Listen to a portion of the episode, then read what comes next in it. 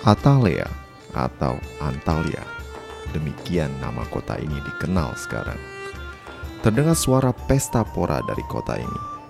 Kota tepi pantai yang terkenal dengan nama Pelabuhan Indah dan pusat perdagangan di zaman kuno ini ramai dengan nuansa pesta pora. Para musisi bernyanyi, omongan ngelantur para pengunjung yang mabuk dipuai oleh harumnya med, minuman memabukkan hasil campuran air dan madu berkendi-kendi anggur dari berbagai wilayah Anatolia siap melayani para tamu yang kebanyakan adalah para prajurit Likia dan para pejuang dari suku Solimi. Dua pihak yang dulu bermusuhan kini bersatu dalam satu irama pesta merayakan kemenangan mereka yang berhasil memukul mundur pasukan suku Amazon. Semua yang hadir dalam pesta begitu menikmati suasana Keramaian pesta dengan musik, minuman, dan hiburan menghapus segala malapetaka masa lalu yang kini sepertinya jauh di belakang mereka berkat kehadiran satu orang pahlawan, Bellerophon, sang pangeran terasing yang kini menjadi pahlawan kerajaan Likia dengan kuda terbangnya. Bellerophon turut serta menikmati pesta bersama para prajurit Likia dan Solimi sang pangeran tak asing dengan wine yang merupakan minuman para bangsawan dan raja. Namun Med, Bellerophon segera jatuh cinta pada minuman madu yang memabukkan tersebut. Bergalon-galon Med dinikmatinya, dan setelah beberapa lama, ia baru teringat pada temannya Pegasus yang berada di belakang taverna. Wah anjir gue lupa.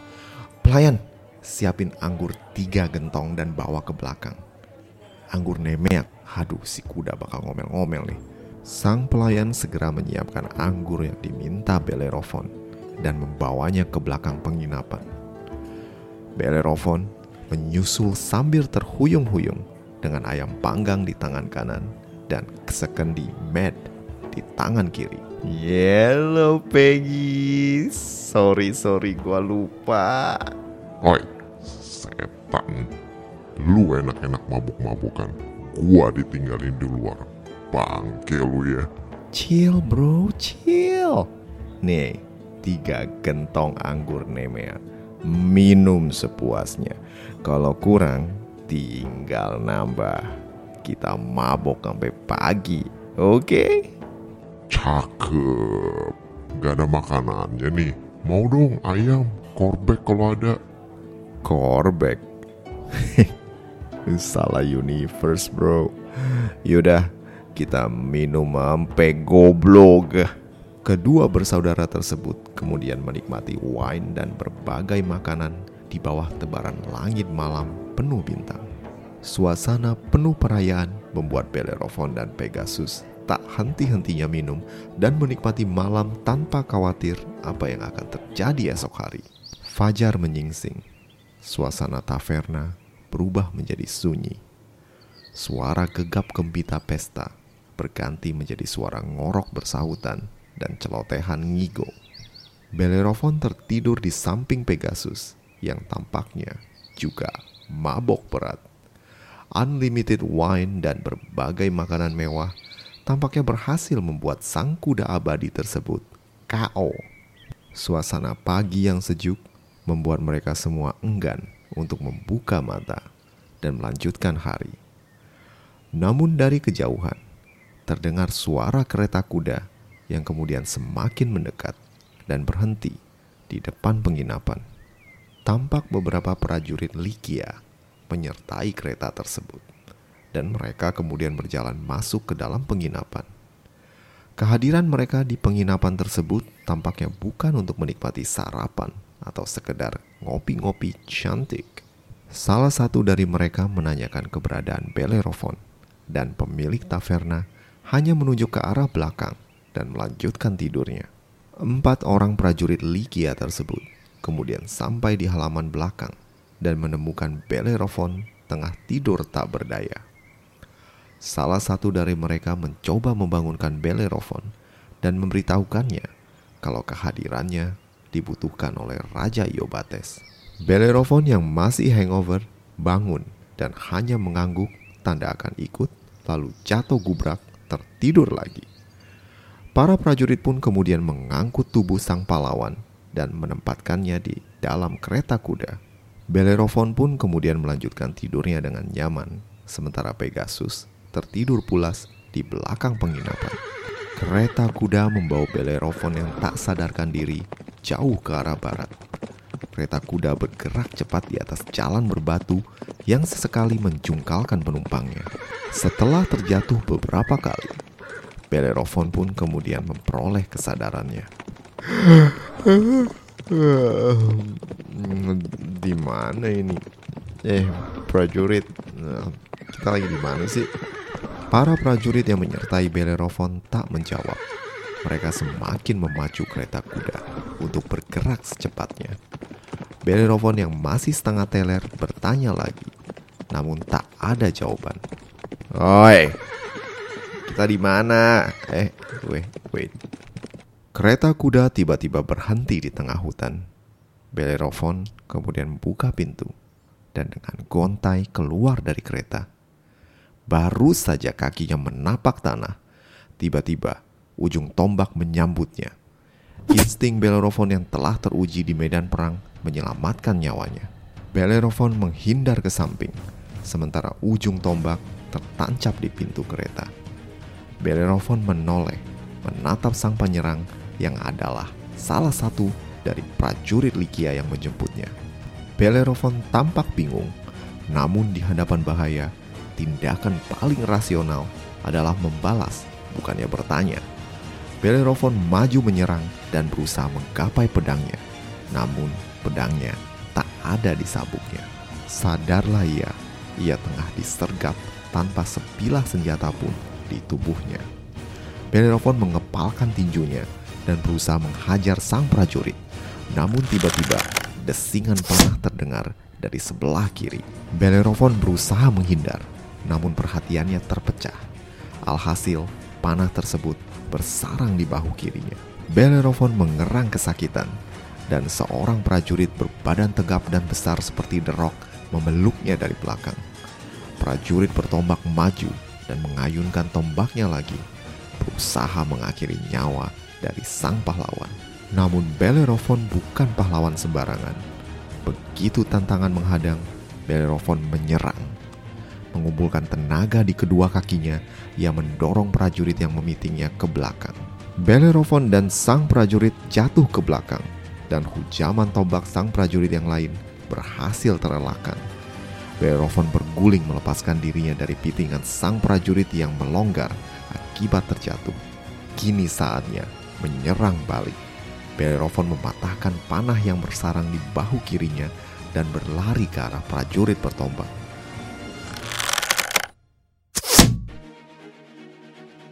Sebuah panah kembali terlepas dan untung bagi Bellerophon dirinya waspada dan berhasil menghindar. Bellerophon melirik. Dua prajurit berkuda dengan busur dan panah membidiknya dengan penuh niat membunuh. Bellerophon tak berani mengambil resiko menghadapi keduanya dan memilih berfokus untuk melumpuhkan si prajurit tombak. Bellerophon menerjang, mendekati sang prajurit tombak, berusaha memotong jarak yang menguntungkan serangan tombak lawan. Semakin dekat, tombak semakin sulit digunakan untuk menyerang. Bellerophon merunduk menghindari serangan tombak dan dengan lihai memukul tangan sang prajurit yang memegang tombak. Panah dari prajurit berkuda melesat dan Bellerophon bersembunyi di balik tubuh prajurit tombak yang tewas seketika terpanah temannya sendiri. Bellerophon merebut tombak sang prajurit dan langsung melemparkannya ke salah satu prajurit pemanah yang tewas terhujam tombak dan terjatuh dari kudanya. Sadar kemampuan Bellerophon begitu luar biasa, prajurit-prajurit yang tersisa melarikan diri dengan kuda. Bellerophon yang penasaran akan para penyegapnya langsung menyusul dengan kuda prajurit yang tak lagi bertuan. Bellerophon mengejar si prajurit melewati hutan belantara dan padang. Dirinya pun menyadari bahwa jalan yang ia lalui adalah jalan yang pernah ia lewati bersama Bellerophon ketika menuju Santos ibu kota Likia. Benar, ini jalan menuju Santos. Sungai besar di depan sana adalah Sungai Santos, urat nadi, pertanian, dan juga perdagangan Likia. Pertanyaan demi pertanyaan mulai hinggap di kepala Bellerophon. Mungkinkah para pembunuh bayaran ini adalah prajurit Likia suruhan Raja Iobates? Tapi bukankah dirinya sudah berjasa berkali-kali menyelamatkan Likia? Masa iya Iobates tega membunuhnya? Apa pun pertanyaan yang berkecamuk dalam kepalanya, ia butuh jawaban. Dan jawabannya segera terpampang di hadapannya. Bellerophon dan prajurit yang dikejarnya semakin dekat dengan Santos dan kejutan telah menanti di hadapannya. Pasukan Likia dengan formasi siap tempur telah menunggu di depan tembok kota Santos. Bellerophon menghentikan laju kudanya sementara sang prajurit yang dikejarnya masuk ke dalam formasi. Jelaslah sekarang bagi Bellerophon kalau ia telah menjadi musuh Iobates dan Likia. Bellerophon juga mendengar derap kaki kuda dari kejauhan, tanda pasukan berkuda tengah berpacu ke arahnya. Bellerophon menghela nafas panjang. Sepertinya ia akan menemui akhirnya sekarang sahabat serta saudara seperjuangannya, Pegasus, tak ada di sisinya. Ia tak mungkin bisa melarikan diri. Menyerang maju melawan ribuan prajurit berkuda dan infanteri adalah misi bunuh diri. Sadar dirinya tak punya harapan, Bellerophon turun dari kudanya dan bersujud. Ia sadar, secara manusia, ia tak akan mungkin lolos kali ini. Manusia? Ya, Aku memang manusia. Tapi kalau mama berkata benar, bukan halu. Aku adalah anak Poseidon. Ayahku pasti akan membantuku. Bellerophon dalam usaha terakhirnya berseru kepada Poseidon, sang penguasa samudra. Poseidon, ayahku, bantulah aku. Aku tak berbuat salah pada penguasa Likia, namun dalam kebenciannya, ia menghendaki darahku. Ayah, oh ayahku, bantulah aku. Dengan kata-kata ini, Bellerophon bersujud dengan muka menghadap tanah. Sementara pasukan Likia semakin dekat dan rombongan pasukan berkuda pun mulai menampakkan wujudnya. Debu berterbangan dan Bellerophon pun pasrah. Namun takdir memang masih berpihak pada Bellerophon. Sungai Santos yang tadinya tenang bergejolak dan airnya melimpah ruah keluar.